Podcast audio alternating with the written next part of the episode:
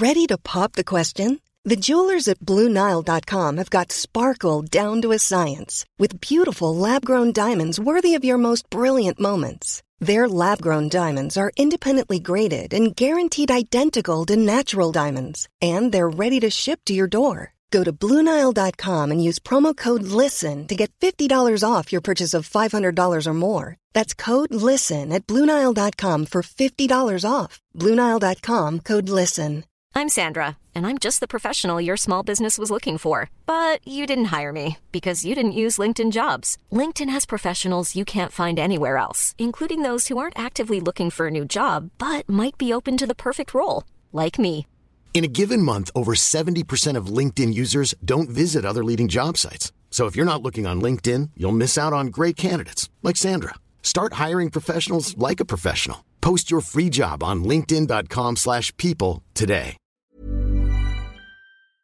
Nu merk ik toch wel dat iedereen om mij heen er heel erg ongemakkelijk van wordt als ik die camera erbij pak. Heb je wel eens dat je uitschiet dat je denkt, oh film, oh nee, ik heb het niet bij. Huh. Dat iemand op zijn mel slaat. Oh. En dan heb ik de hele dag een soort van schuldig kutgevoel over me heen hangen. Ik vind het zo moeilijk om aan niks te denken. Dat lukt mij bijna niet. Welkom bij de Even Relativeren podcast. Hoezo noem je het zo? Ja, zo is een theatershow ook. Ja, ja. En ik dacht van, weet je wat, dan maak daar gewoon één groot merk van. Even relativeren is jouw dingetje. Ja, gewoon lekker slap ouwe hoeren. Het leven een beetje relativeren. Ik voel me echt een radio-dj als ik mezelf Ja, film. hè? Ja. En ook met het geluid hoor je echt zo... Ja, je lijkt ook een beetje op Domien. Jij lijkt een beetje op Frank Dane. Met geblondeerd haar. Oh, ik dacht Frank van 3FM. Ja, hoe heet die ook weer? Nee, Van der eh, Lende. ja, Frank van der Lende, ja. Nee, daar wil ik je niet mee vergelijken. Die gaan er twee weken naar huis als die op een eiland heeft gezeten. Is hij zelf naar huis gegaan?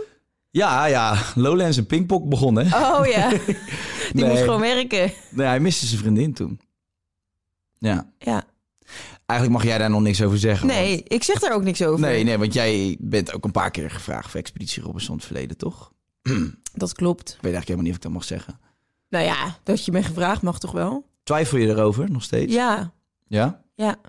Maar wat is, wat is de grootste reden om het niet te doen en de grootste reden om het wel te doen? Nou, iedere keer... eh, nou, ook de grootste reden om het niet te doen is omdat ik... eh, ik ken mezelf en ik weet dat als ik een beetje honger heb... dat ik niet de allerbeste versie van mezelf ben. Nou ja, dat is natuurlijk wel wat je gewoon constant hebt daar.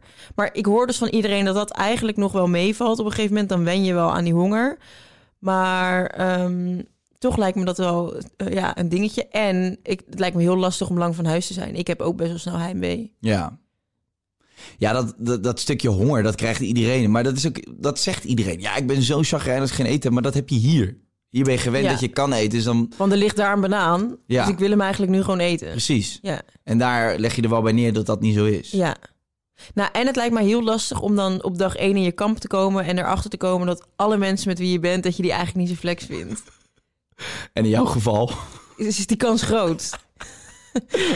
Ja, dat is wel zo. Aan de andere kant, je krijgt ook wel weer met eh, mensen een hele eh, sterke band. Klopt, dat vind ik dus ook mooi. Je, je, je creëert wel een bepaalde band met mensen die zo bijzonder en anders is dan hoe je normaal gesproken iemand leert kennen. Dus dat lijkt me heel mooi eraan. Ja. En het lijkt me juist mooi dat eh, de dingen waar je dan moeite mee denkt te gaan hebben, dat je die kunt ervaren.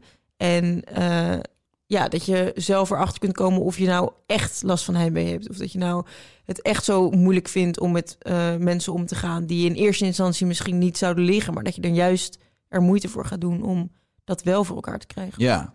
Ik denk Ja, dat het ik- voor jezelf heel goed is om mee te doen. Ik denk dat het wel echt een soort van enorme, ja, hoe zeg je dat? Zelfontwikkelingsproces ja, is. om ik denk dat je er heel veel uit kunt halen.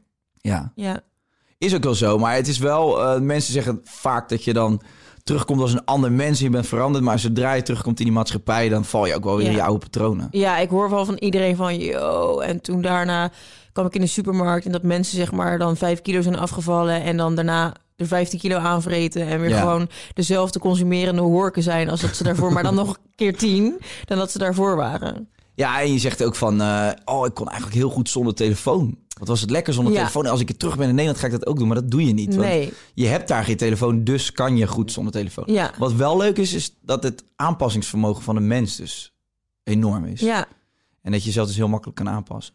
Maar om Frank eh, eh, nog wel even te verdedigen. eh, heimwee is wel echt, echt ja, een ding. man. Want als jij wakker wordt met fuck, ik wil naar huis. En je gaat naar bed met fuck, ik wil naar huis. Ja. En je slaapt eigenlijk niet. En je kan alleen maar denken aan thuis. En dat daar alles beter is. Dan snap ik dat je echt wel denkt, wat doe ik hier? Ja. Ik ga gewoon. Ik snap dat heel goed. En jij hebt een dochtertje, dus... Ja, ik, ik, ik kan me namelijk heel goed inleven eh, in het feit dat, dat je zou zeggen van... Weet je wat? Fuck dit. Ik ga gewoon echt naar huis. En als ik dat zie dus bij andere mensen, denk ik... Ja, wat jammer. Maar ik denk dat ik zelf dus ook zo ben. Mm. Dus ik wil er eigenlijk... Ja, dan denk ik, als je het doet, moet je het goed doen. Maar ik denk Ja. dat ik dat zo moeilijk vind. Nee, wat je, als je gaat, dan moet je dus rekening houden met het feit dat niet eh, alleen honger vervelend is, maar ook dus heimwee dat dat een groot Ja. onderdeel is van het proces. En dat dus ook gewoon een deel is van, van het overleven. Je Ja. overleeft je heimwee. Ja, En ja, ik had daar wat minder last van. Ja, ik had natuurlijk, ik miste mijn vrienden en mijn, mijn ouders, eh, mijn broer. Maar ja, ik dacht, ik zie ze binnenkort wel weer. Max vijf weken en dan ben je terug. ja. Maar ja, als je echt elke dag jankend wakker wordt... omdat je terug wil naar je vriendin of naar je dochter of naar je moeder... ja, Ja. dat is fucked up hoor. ja precies. Want ik, eh, je, je hebt dus toch al geen telefoon van het moment dat je gaat reizen daar naartoe. Ja, Maar die reis alleen al duurt drie dagen. Ik, ik word al helemaal gek als ik denk aan het feit dat ik al drie dagen onderweg ben. Nog niet eens een dag op dat eiland heb gezeten, maar al drie dagen niet weet hoe het met mijn kind gaat. Ja. En al drie dagen niet weet wat zij doet of hoe laat ze in bed ligt of wat ze heeft gegeten. Daar word ik helemaal naar van. Mm. Dus, maar dan juist denk ik van, ik ben best wel een control freak soms. Misschien is het juist wel lekker om dat te leren loslaten een beetje. Maar ik, oh, als ik er nu aan denk, dan zo lang onderweg te zijn en dan niet eens even hard te kunnen spreken of zien, ja. daar word ik helemaal gek van. Ja, snap ik. De mensen die eruit komen en die dan een brief krijgen van een kind Oh. of, of een vrouw of zo, die moeten ook altijd zo hard huilen. Oh, ik zag Zo ook een emotioneel. keer zo'n zieke proef. Ehm, dan moesten ze volgens mij op een balk staan of zo. Het was niet een bizar lichamelijk zware proef, maar dan stonden ze dus al, weet ik, volgens mij was het zelfs in jouw seizoen. Ja. Met eh Niels ook en zo. Dat, dat dan ineens gingen ze video's afspelen. ja, daar stond ik bij. Ja, dat ja, klopt. Ja, met dat. Oh, toen moest jij niet. Toen gingen zij strijden om te kijken wie met jou op dat eiland moest. ja dat mij. was echt sadistisch Dat gewoon. was ziek. Ja. Toen dacht ik echt van, joh, ik zou echt breken gewoon. Ja. Ik zou echt het water in pleuren en zeggen, breng mij nu, nu, nu. En dat lijkt me nog erger. Dan ben je klaar. En Mhm. dan moet je weer drie dagen naar huis reizen. Of moet je nog wachten totdat je naar huis mag. Mm. En dan ben je pas een week later weer thuis of zo. Dat is echt, oh. Ja. ja, die proef daar... ehm, zij moesten een, een, een soort telsom maken. Dus zij moesten heel geconcentreerd zijn. En ondertussen werden de stemgeluiden en beelden van hun familieleden afgespeeld. Waardoor ze dus helemaal hoor. fucked up raakten. Dat kan je niet maken. Wie bedenkt dat? Dan ben je gek. Ja, er zitten een paar eh, hele... Ik weet ook nog wel dat dat volgens mij het seizoen van Jazz... dat toen bij het samensmeltingsdiner... de twee zwakste, die moesten aan zo'n spies boven dat diner hangen. En degene die het langs bleef hangen, die mocht dus ook gaan eten. Maar dan Mm. denk ik, dit kan je niet maken. Ja, dan krijgen al die geuren naar boven. dat die mensen daar boven dat vreten moeten gaan hangen... terwijl ze al twee weken niet, niet iets van iets fatsoenlijks hebben gegeten. Gewoon. Maar dat maakt het, hè, en dat is niet omdat ik het presenteer, eh, maar dat maakt het toch ook wel een van de beste reality-programma's Tuurlijk. die er zijn, omdat je zo teruggaat naar een soort van oermens en, en dat je zo op de proef wordt gesteld op allerlei manieren. Je kan daar ook geen maskertje op houden, snap je? De- Nee. Je merkt wel aan het begin vaak, hè, mensen zijn jolig en Ja.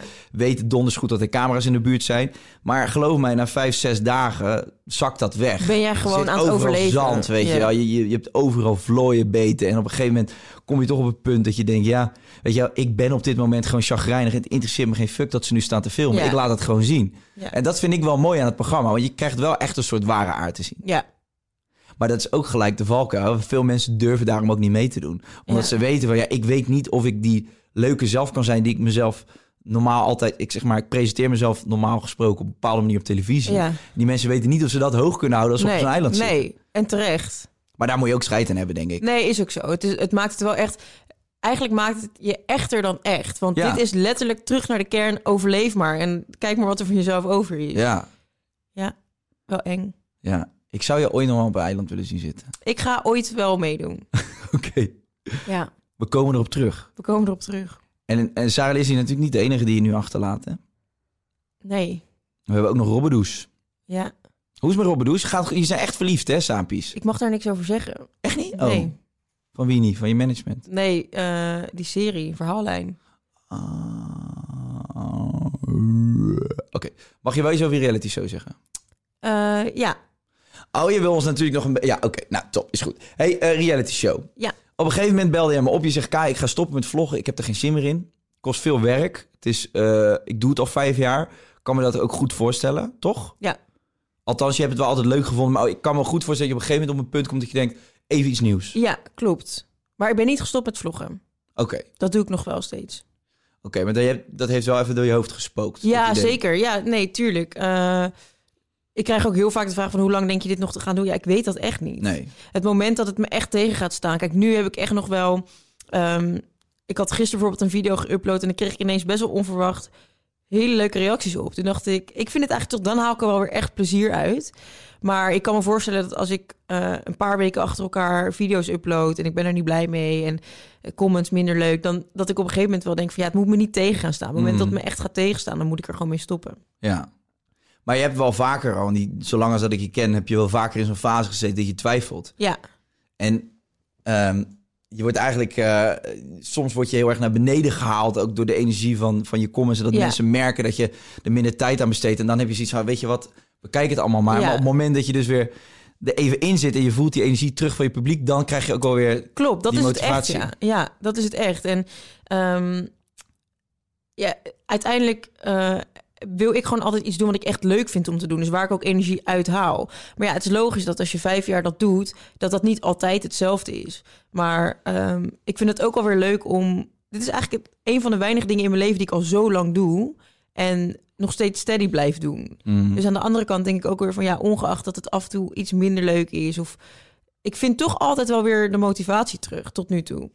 In hoeverre zit dat vloggen nou echt, echt in je soort van vaste dagelijkse ritme of zo? Heb je als je een dag die camera bijvoorbeeld niet meeneemt, heb je dan wel eens dat je denkt van shit, ik mis iets vandaag? Ja, ik vind dat zo raar. Ja. En dat vind ik ook heel vaag. Want dan denk ik van, stel je voor dat ik ermee stop, dan hoef ik nooit meer iets te filmen van mijn Mhm. leven, wat ik doe. Ehm, en aan de ene kant denk ik, oh, dat is lekker. Aan de andere kant denk ik, dat is zo raar, want ik doe het al vijf jaar. Dat Ja. is, het is gewoon echt iets normaals voor mij geworden. Ja, raar hè? Dat is gewoon pure gewenning. Ja, het is hetzelfde als dat ik even mijn telefoon pak om op Instagram te kijken. eh, pak ik die camera erbij. Ja. Heb je wel eens dat je uitschiet dat je denkt, oh, film, oh nee, ik heb het niet bij. Huh. Dat je iemand op zijn mel slaat, Ja, heb ik echt vaak. zo'n uitklaparm. Nee, Nee, maar als jij, als je teruggaat, jij hebt nu, eh, denk ik, een YouTube-kanaal vanaf je 19e, Ja. 20, je bent nu 25. Dus en zeker in het begin vlogt hij elke dag, toch? ja, klopt. Ja, als je dan gaat terugrekenen, dan kan ik me heel goed voorstellen dat je nu op een punt komt. Want ik had dat na een jaar vloggen al. Ja. ehm, dat je op een punt komt dat je denkt, ik geloof het wel even. Ik vond jouw vlogs trouwens wel echt heel erg leuk. Ja? Ja. Ik had laatst iemand die... eh, ik was eigenlijk helemaal vergeten dat ik, eh, dat ik dat überhaupt deed. Want ik ben nu al 2,5 jaar gestopt of zo. En ook natuurlijk nooit zo heftig als jij. Ik, heb dat, ik had dan één keer per week een Ja. soort van week eh, overzicht. En dan ging je eigenlijk voornamelijk in de auto een beetje lullen Ja. over, ja, over wat je die week had gedaan en dan wat fragmentjes. Dus, ja, precies. Gewoon dat lullen lukte wel. Maar ik vond het wel heel ongemakkelijk om die camera erbij te pakken. Zeker omdat mijn vrienden er niet zo van zijn. Ja, klopt. Mijn Ik, familie ook niet. Dus Nee. ik, mijn, eigenlijk, ik kon van mijn privéleven vrij weinig laten zien. Dus het was eigenlijk altijd een beetje van... Ja, oké, ik heb dus ook al op stories dingen gezet over dat ik hier aan het filmen ben. Dan ga Ja. ik dan nu ook nog over vloggen. Ja. Ik vond het allemaal dubbelop. Klopt, dat, dat herken ik ook wel heel erg. En ik moet zeggen dat toen jij aan het vloggen was, was je volgens mij mijn leeftijd. Eh, en wat ik ook wel merk, is dat mensen om mij heen daar veel minder op zitten te wachten. Ja. Iedereen wordt gewoon volwassener. En Ja. dan heb je niet zo'n zin in een Chubby Bunny Challenge van YouTube. Nee. En dat een vriendinnetje... mukbang wat- challenge, ja.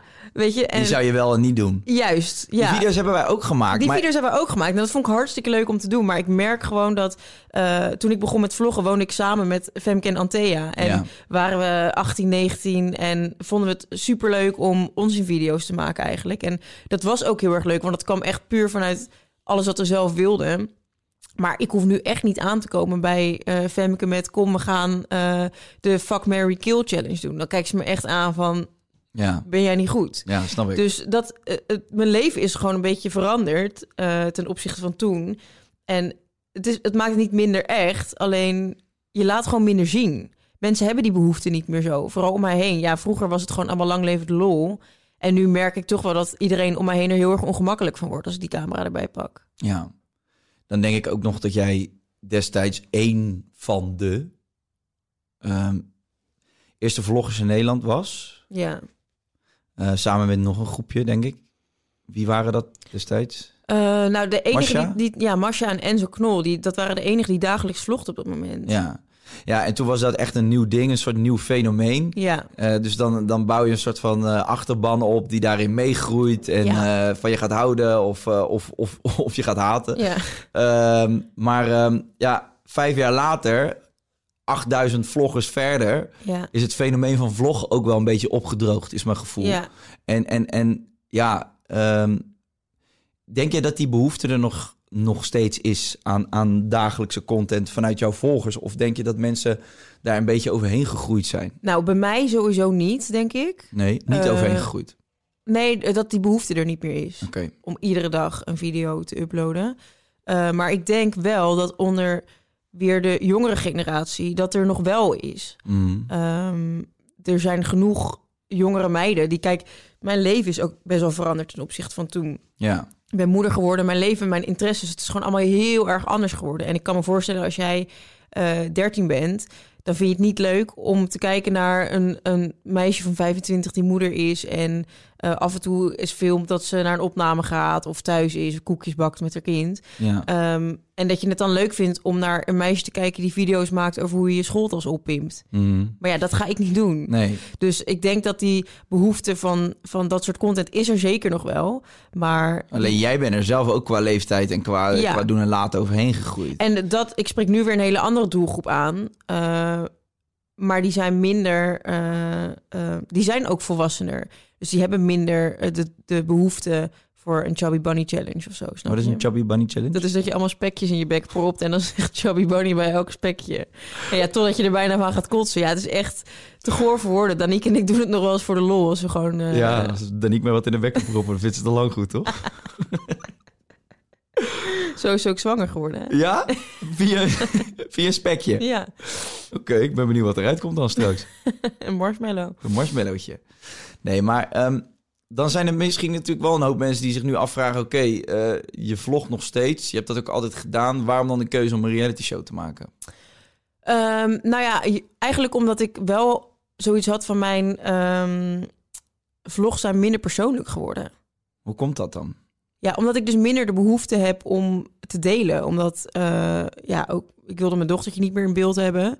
Dus dat, ja, de- daar spendeer ik wel de meeste tijd van mijn leven mee. Dus dan wordt het al veel minder persoonlijk. Ehm, ik ging denk ik ook door een minder leuke periode, omdat ehm, Lars en ik uit elkaar... Er is best wel veel gebeurd Mm. in de afgelopen maanden. En ik denk dat het gewoon te pijnlijk was voor mij om zelf te gaan delen. En als, ehm, als er dan een andere eh, camera meedraait, dan voelt dat voor mij heel anders. Dan voelt dat minder als dat ik het zelf deel. Ja, En ja, die behoefte, ja, ik bedoel, dat, is, dat komt natuurlijk tot stand in een gesprek. Van, goh, wij zouden graag dat met jou willen doen. Wil je daar eens over nadenken? ja. Dat is niet vanuit mij gekomen van, ik wil een eigen show. Voel je dan ook eh, schuldig naar je, tegenover je publiek in het begin dat je denkt van ja, ik, ik, ik zou wel dingen met jullie willen delen, maar ik zit in een fase van mijn leven waarin ik me gewoon niet zo goed voel. Ehm, ik heb mijn dochtertje die ik eigenlijk wat wil gaan beschermen tegen, eh, ja, tegen, de, tegen de fame misschien wel. Of, of, of de reacties van mensen over van... hey, ik vind dat ze een raar staartje heeft. Of Ja. ik vind dat je er raar aankleedt. Want Ja. hè, zo gestoord zijn mensen tegenwoordig om, Ja. om kinderen af te kraken. Dat soort dingen. Ehm, maar tegelijkertijd voel je dan misschien ook wel naar je vaste fanbase bijna een soort van schuldig. Dat je dus niet meer alles kunt laten zien. Wat je ze misschien wel zou willen laten zien. Ja, klopt. Ehm, het voelt inderdaad wel een beetje, omdat aan het begin deelde ik natuurlijk alles en iedere dag. En daarmee heb ik wel het bereik wat ik nu heb gecreëerd. Dat komt wel echt omdat ik iedere dag uploade en dat mensen echt soort van mij hebben leren kennen op die manier. Dus ik snap wel heel erg dat dat voor mijn echt ja, soort van vaste kern kijkers best wel gek is. Dat het dan nu best wel veel op afstand lijkt eigenlijk. Ja, Maar ja, aan de andere kant, ja, schuldig. Ja, ik weet wel dat in die end ben ik niemand iets verschuldigd. En als ik dit echt niet leuk meer vind en als ik het echt niet meer wil en het past gewoon niet meer bij mij, dan kan ik er ook morgen mee stoppen en dan ga ik iets anders doen. nee, tuurlijk. En dat is ook je goed recht. En ook logisch dat je dat denkt en vindt. Want zo is het ook. Maar tegelijkertijd heb je natuurlijk wel een, een vaste fanbase... die misschien wel voor jou verwachten... Ja, dat je blijft delen en dat je open en eerlijk bent. En dat ze alles van je willen weten. Ook als je huilt, ook als je verdrietig Ja. bent. En je hebt een dochter en die willen we zien. En die druk misschien. Misschien dat je die druk ervaart. En dat dat ook misschien Ja. wel... een- dan bijvoorbeeld een schuldgevoel Klopt. richting je fanbase oplevert. Ik heb dat heel erg als ik bijvoorbeeld een dag eh, wel bezig ben met dingen... en dan dat ik ineens om drie uur denk... shit, die camera heb ik er niet bij gepakt. ja. Dan heb ik de hele dag een soort van schuldig kutgevoel over me heen hangen. ja, Dat ik weet van, oh ja, eigenlijk zou ik dit dus moeten filmen. ja, Dat is best wel, eh, ja, dat is best wel aanwezig, ja. ja. Hey, en bij je vlog heb je, heb je zelf de controle. Je weet wat je, wat je filmt, je weet wat je edit. Eh, dan ga je een reality show doen. Er wordt gevraagd, hey Mo, eh, vind het leuk om eh, iets van jouw leven te filmen. Jij denkt, top, Ja, hoef ik even niet meer te vloggen. Kan ik op die manier toch een gedeelte van mijn leven laten zien. Hoe is de, de- de- wat is het grootste verschil tussen je eigen vlogs en die reality show? Mm, ja dat, er, dat ik de regie niet in handen heb. Ja. En het verschil is ook wel heel erg dat, ongeacht dat het een reality show is, ehm, dat het toch nog wel geregisseerd is. ja. Dus er worden bepaalde verhaallijnen bedacht. Daar ga je akkoord mee. En Mhm. kijk, tuurlijk, omdat het reality is, kunnen die verhaallijnen zich ontwikkelen hoe ze ook maar gaan lopen. Want Ja. daar kun je geen invloed op uitoefenen. Maar ehm, ja, er worden wel verhaallijnen geschreven. Als in, we willen dit en dit en dit laten zien. En dat, is, Maar dat heb ik in mijn vlogs niet. Maar wel verhaallijnen binnen je huidige leven, toch? Ja, ja, ja. wordt niet, verzonnen nee. van, eh, jij bent nu verliefd op de kaasboer. Nee, nee, dat wordt niet verzonnen, nee. Jij gaat nu 100.000 euro pinnen voor Kai Gorgels en dan gaan we dan af, afgooien bij hem. Dat wordt niet verzonnen, want dan ga ik ook nog een paar verhaallijntjes bedenken. Nee, dat wordt niet verzonnen. Nee, maar eh, eh, geregisseerd in de vorm van, ehm, we willen een chronologisch verhaallijntje. Juist. Dus Je eh, moet ja. er wel een aflevering van kunnen Ja. maken. En iedere aflevering heeft een begin en een eind. En daarvoor is er dus wel altijd iemand mee die zegt... kun je het nog even hierover hebben? Ja. Of zou je even eh Danique kunnen bellen om te vertellen dat, eh, dat je die en die hebt gesproken? Of zo, ja, zo gaat het wel. ja, want je vertelde mij ook dat je best wel baalde van, van best wel wat negatieve reacties zijn geweest. Ja, Ehm, wat, wat mij dus opviel bij, bij die reality show is dat... Kijk, wij weten hoe dat gemaakt wordt, snap Ja. je? Dus, dus je hebt een regisseuse, we kennen ze ook allebei, die twee dames. En die staan erbij en die staan lekker met je te dollen de hele Ja. dag. Dus er hangt een bepaalde vibe en sfeer. je gaat heel vriendschappelijk met elkaar om. En wij zijn vooral heel amicaal altijd. Ja, ja. dus dan ga je zitten en dan moet je gaan quoten. En dan wordt er gevraagd, wat vind jij van je broer? En dan zeg jij gewoon, zoals jij bent, op, met een behoorlijke sarcastische ondertoon. Ja, ik vond het echt irritant. Ik heb dat toch gezegd tegen hem, dat moet hij niet doen. Maar dat is gewoon jouw manier van communiceren. Ja. Maar dat kan dan in zo'n eh, in zo'n reality show ineens als heel bot overkomen. Juist. En ik zat daar ook naar te kijken en ik schrok in de zin van, ik denk, oh kut, want dit gaat verkeerd overkomen. Ja. En ik, ja, weet je, ik, ik ken je goed. En met mij nog veel mensen om me heen ken je ook goed. En ik zie wat daar gebeurt. Het is Ja. gewoon, dat is gewoon een, een vorm van sarcasme, vleugje Ja. cynisme. Je bent gewoon met elkaar aan het dollen. En die En vrouw kijk- staat achter de camera. En ze heeft ook al drie keer gevraagd van... eh, wat dacht je toen je in Londen was en Matthijs belde je? Ja, eh, nou ja, kijk, eh, hij pas dan probeert nog heel leuk uit te leggen met context erbij, la la la. Oké, maar vond je, vond je het dan vervelend? Ja, nou, ik vond het best vervelend, want eh, dus in dit probeer je het weer uit te leggen. Maar kun je dan irriteren? Nou ja, eigenlijk wel. Eigenlijk vind ik het best irritant. En dan wordt dat zinnetje wordt eruit geknipt. Ja. Terwijl ik heb daarvoor vier quotes over Ja. exact dezelfde situatie gegeven, waarin ik context probeer te geven. Weet je, dus Ja. dat is wel het grote verschil. Ja, daar moeten we tegelijkertijd met z'n allen ook, denk ik, dan niet hypocriet over doen. Want we weten hoe televisie gemaakt wordt. Maar het is wel voor, voor je, eh, de mensen die jou volgen. En dus nu met, met eh, dingen komen als van... je bent in je vlog anders. Dit is dus de reden waarvoor je af en toe anders over kan komen Ja. in zo'n reality show. Ja. Omdat je... Ja. Klopt, want ook wat, wat dus vaak mensen zeggen, bijvoorbeeld eh, uit Temptation, als ze daar niet goed uit zijn gekomen, zeggen ze altijd, ja, maar dat was de edit. En dat is zeker niet altijd de edit, natuurlijk niet. Maar je kunt in de edit wel echt heel goed iemand, eh, bepaalde eh, trekjes van iemand constant laten zien en naar voren laten komen. Als jij iemand in dezelfde aflevering zes keer hetzelfde laat zeggen en eh, je doet het in een aflevering, dan zit je te kijken als kijker en denk je, ja, ha, dat heb je nou al vijf keer gezegd. Maar ja, als ze dat constant eruit knippen, weet je wel. Je zegt nog honderdduizend andere dingen Ja. in zo'n aflevering. Maar ehm, uiteindelijk worden dingen wel echt goed gevormd met een edit. En dat moet ook, want de kijker moet wel een bepaald idee hebben van de situatie. En ja, je Mhm. kan moeilijk alles belichten in een half uurtje. Maar dat betekent, dat betekent dus wel dat het af en toe wel zo over kan komen, ja. Maar wat is dan nu je gevoel daarbij? Want je krijgt die reacties en...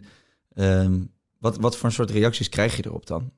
Nou, ik moet zeggen dat ik zelf eh, veel positieve reacties heb gehad. Alleen dat op Facebook, maar ik heb geen Facebook. Mm. Eh, en daar zijn mensen altijd vet hard aan het zeiken. Ja, ja. Ehm, dat daar wel veel negatieve dingen. Ik heb wel dingen doorgestuurd gekregen, maar gewoon van ja, ze is super ehm, anders in haar vlogs. Is veel onaardiger in de serie. Ja. En weet ik wat. Maar ja, dat is dus exact wat jij net als voorbeeld gaf.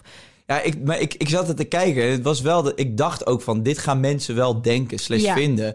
Eh, ja, om, om, omdat, omdat het misschien ook wel zo overkomt. Maar het is, het is niet zo. En ik zou die, die situatie van, van, van zo'n draaidag, ja, met een gezellige regisseuse die zegt: hey, ja, maar eh, die broer van jou, eh, zo, die was wel even irritant. ja, hè? dat was niet handig. Hè? En dan zeggen nee, ja, even Nee, ja, serieus. irritant zeg ja. je dan. Ja, even serieus, die mat, hè. Ik heb hem al drie keer gebeld. Hoppa, knip. Ja. En dat is nogmaals niet erg, want dat is wel gewoon hoe het gemaakt wordt. Maar ik denk ook voor, voor de mensen die dus dat gevoel hadden van... jij bent anders in die vlogs, tot dit wel gewoon een goede verklaring is voor Klopt. waarom dat misschien zo overkomt. Want er was ook iets met een, een verrassing wat Femke en Matthijs zouden regelen. En kijk, tuurlijk, dat is echt super lief.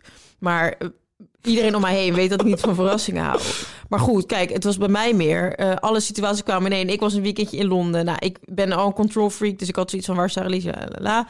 Ehm, vervolgens zijn zij ineens een... eh, een, een ik, oh ja, ik had gezegd tegen Matthijs... zorg even dat je met Sarah naar de stad gaat. Want ze gaan die trap renoveren. Dus dat is niet chill als zij er dan rondloopt, weet je wel. En... ehm, eh, Lars komt haar ophalen, dus ik wil ook gewoon, weet je, doe dat lekker in de stad. En het is allemaal makkelijker. En ehm, er, was, ja, er was nog een reden, ik weet het niet eens meer. En toen, vervolgens kreeg ik hem niet te pakken. Mm. Eh, en zegt hij, ja, ik ben, ehm, ik ben nog thuis bij jou. Ik zei, oké, maar je zou toch naar de stad gaan? Want eh, we hadden allemaal afspraken gemaakt en dingen. Ja, nee, maar ze zijn nu ook aan het filmen voor de serie. Dus ik denk, huh, aan het filmen voor de serie? Hallo, eh Sarah Lizzie, jij zou op haar passen. En ik had gezegd, ze gaan die trap renoveren. Dus vervolgens kom ik Hadden ze niet moeten doen trouwens, die trap. Die is lelijk geworden, jongen. Nou. Ja, die panterprins. Nee, ik vind dat leuk. Vervolgens kom ik erachter dat ook nog Femke in mijn huis is. Dus Ja. ik zeg, hè, wat is, wat is nou de situatie? Ja, we zijn aan het draaien. Femke is ook hier. Sarah Lizzie is dus ook nog hier. Ja, en ik heb met Lars afgesproken dat hij er hier op... Ik denk, nou, straks staan er gewoon tien man in mijn huis. Terwijl ze zijn die trap aan het doen. Dus dat is niet de bedoeling. En toen zei ik van, maar wat zijn jullie eigenlijk aan het doen? Ja, een verrassing voor jou.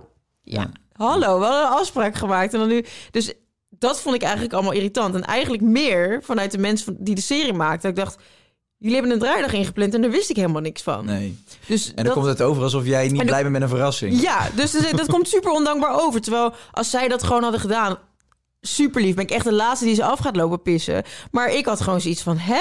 Jullie bedenken en dat zijn verrassingen voor mij gaan eh, fixen voor mijn verjaardag. En jullie gaan ineens draaien, terwijl ik Ja. dat niet weet. En ik zit in het buitenland en ik maak afspraken met Matthijs, weet je. Dus Ja. dat was gewoon... Maar ja, je kan die quotes natuurlijk niet zeggen... ja, jullie hebben Nee. een, een, een verrassing verzonnen. Nee, maar je hebt mij ook nog nooit bedankt voor mijn cadeautjes en zo. Nee, joh. Zonder gekkigheid. Nee, ja, dat, dat is wel hoe het werkt. En daarbij moet ik ook nog wel zeggen van... Kijk, eh, je hebt een bepaalde... Iedereen communiceert op een bepaalde manier met zijn of haar broer. Dat is hetzelfde als dat je wel eens een vriend tegen, tegen zijn moeder hoort snauwen. Dat je denkt, zo, dus even normaal. Ja. Terwijl dat... Ja, soms doe je dat bij mensen van wie je houdt, toch? Zonder dat je direct Ja. dan eh, eh, dat heel erg meent of, of niet van diegene houdt. Klopt, dat is inderdaad. Dat je dan bij vrienden bent en dan... ja, maar dat je denkt, nou... Ja, jij en je broer hebben ook wel een bepaalde manier van communiceren met Ja. elkaar. Maar ja, goed, dat doen jullie al zolang als dat jullie elkaar kennen. Ja, het- wij, we zijn met elkaar opgegroeid. Ik bedoel, als, als, als er iemand is die mij af mag pissen en ik hem, zijn Ja. dat Matthijs en ik. Ja. Als er Ja. iemand over elkaar mag pissen, zijn jullie het wel, toch? Nou, Dat heerlijk. doen jullie ook ieder weekend. Ja. Familieweekend. Hoi, pissen. Hey, ik vond, het enige wat ik wel vind met zo'n reality show is wel... Kijk, eh, daar hebben we het natuurlijk ook over gehad. Ik zeg, ja, maar je, je vertelt wel een hoop. Ja, hè, ik maak een reality show. Dus Ja. dat is wel een soort afweging die je maakt. Oké, ik ga beginnen aan een reality show en dan ook gewoon met de billen bloot, letterlijk Ja. en figuurlijk. Wat, wat tof is, want ik ben het met je eens, anders hoef je het niet te doen. Maar ik, ik zit wel te kijken dat ik denk, oh, ik, ik zou het niet doen. Ja, Ik, ik, ik, zou die, ik zou die behoefte niet voelen. Ik zou denken, Nee. oh, nee, weg hier. Doe Ja. die mensen niet te weten. Ik heb ook wel eens het gevoel bij jou, je bent best wel impulsief. Ja, klopt. En, en als iemand jou even motiveert en zegt, joh, nee, reality show, dat is leuk, dat gaan we doen. Dan kan ik me helemaal voorstellen dat jij zegt ja. Dan wordt die reality show uitgezonden en denk je, hmm, had ik misschien iets langer over Ja. willen nadenken. Ik zeg niet dat je er spijt van Nee, nee, hebt. nee. Ik leg geen ja, woorden in de mond, maar Je hebt exact, ja, je legt de woorden exact in mijn mond en het klopt wel. dus je hebt er spijt van. Nou, ik heb er geen spijt van, maar ik moet wel heel eerlijk zeggen dat ik niet per se een heel positief gevoel eraan heb overgehouden. Hmm. Dus ehm, I'm Sandra, and I'm just the professional your small business was looking for. But you didn't hire me because you didn't use LinkedIn jobs. LinkedIn has professionals you can't find anywhere else, including those who aren't actively looking for a new job but might be open to the perfect role, like me. In a given month, over 70% of LinkedIn users don't visit other leading job sites. So if you're not looking on LinkedIn, you'll miss out on great candidates like Sandra. Start hiring professionals like a professional. Post your free job on linkedin.com/people today. Kijk, eh, ik heb namelijk zoiets van... Ik heb ook wel veel kritiek gekregen op de situatie tussen mij en Lars. Ja. En ehm, ik snap dat heel goed, want het is, het is een kwetsbare situatie... en iedereen kan en mag daar iets van vinden. Maar ehm, als mensen uit elkaar gaan en er is een kind in het spel... dat is volgens mij nog nooit vlekkeloos gegaan. En mensen die zeggen, oh, bij ons ging dat vanaf dag één goed... dat klopt niet. Nee. Dat is gewoon niet zo, weet je. Dat, en ehm, ik denk dat ze in die, die serie zijn ze precies op het moment gaan filmen... dat gewoon alles heel erg... de emoties super hoog Mm. waren. En eh, ja, dat, het was gewoon een heel kwetsbaar moment. En dat is voor de mensen die zo'n serie maken perfect. Fantastisch. Ja, het was geen beter moment voor je. Maar voor mezelf denk ik achteraf... ja, ik had natuurlijk eigenlijk ook liever... dat ze pas over een paar maanden gingen filmen... dat alles rustig was. En dat je dan een soort van een leuke, gezellige serie... en oh, het co-ouderschap gaat zo goed. En ja, dat is natuurlijk veel leuker om te laten zien. Maar Ja. aan de andere kant, zo is het niet altijd geweest. Nee. Nee. Alleen dan is natuurlijk de andere kant van de medaille van... ja, die situatie zit je in, en, maar je kiest er wel zelf voor om te laten filmen. Ja, klopt. En dat, dat, dat Omdat heb ik dus impulsief ben. Ja, En dat, is, ja, dat gevoel heb ik dan. Dat jij dat dan veel te impulsief eh, op je hals haalt. Ja, Wat ik wel leuk eraan vind, is wel gewoon... Je bent, je bent wel gewoon jezelf. En je hebt er dan ook gewoon scheid aan van... ja, dit is nu mijn situatie. Ik ga niet doen alsof alles mooi en gezellig is. nee. En dat is wel, als je een reality show doet, doe het. Alleen, ehm, ja, ik, ik vind de reality show, ik vind het gewoon... eh, ja, ik vind het lastig. Ik heb sowieso, eh, kijk, jij bent er natuurlijk sowieso wel iets meer aan gewend. Omdat met vloggen heb jij eigenlijk altijd wel... Ik heb altijd zoveel van mezelf laten Ja. zien. Ja. En daar hebben mensen altijd een mening over gehad en van alles van gevonden. Ehm, ja, ik, heb dat, ik heb dat van begin af aan wat toch wel iets meer, denk ik. Jij bent sowieso altijd meer privé geweest. Ehm, jij maakt grappige filmpjes. gehouden. En eh, ja, zet de camera aan als je doet alsof je met een banaan zit te bellen. en ja, niemand weet verder waar jij geboren bent, snap je? Dus dat... Hey, Rotterdam, gek! Ik dacht in Amsterdam. ja, pleur je op. Nee, dat is heel anders. Zeg maar, wij zijn denk ik totaal niet met elkaar te vergelijken qua Nee. wat we doen. Nee. Nee, klopt. En eh, dat is, ehm, ja.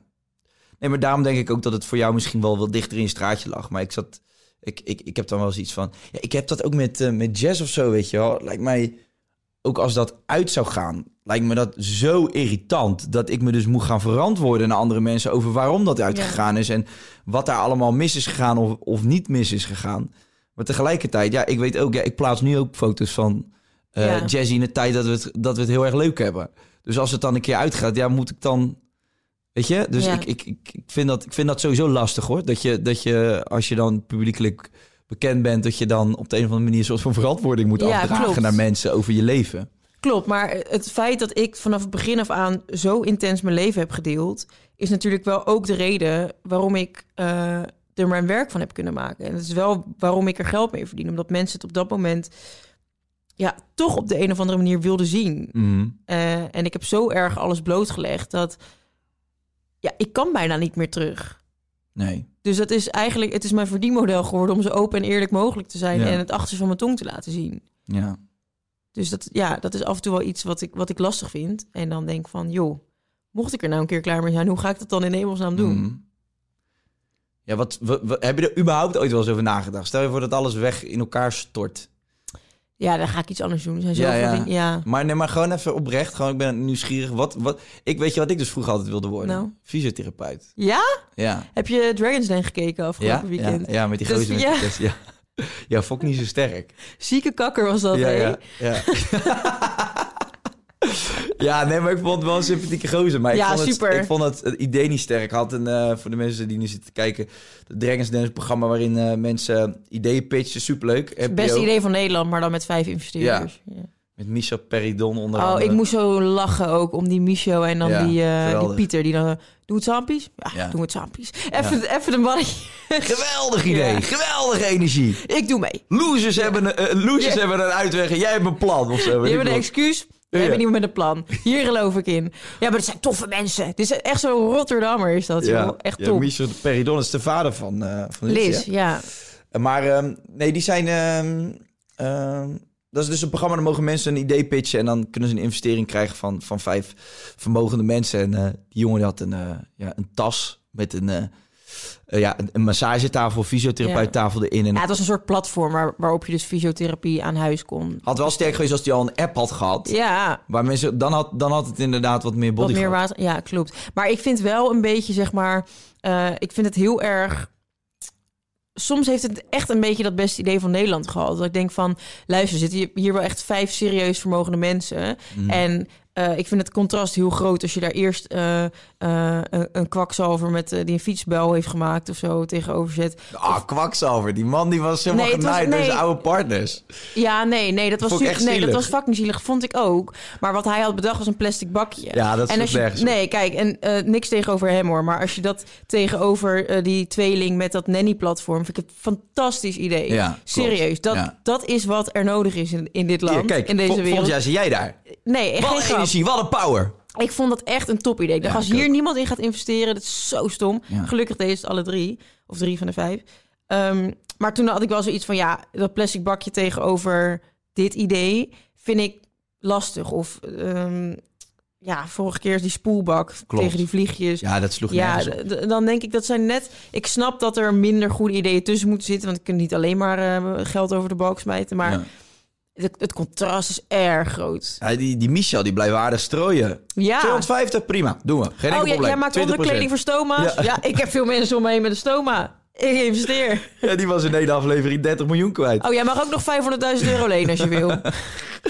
Hey, als je nu kijkt naar eh, de zeg maar, recente grote innovaties, platforms, apps of whatever.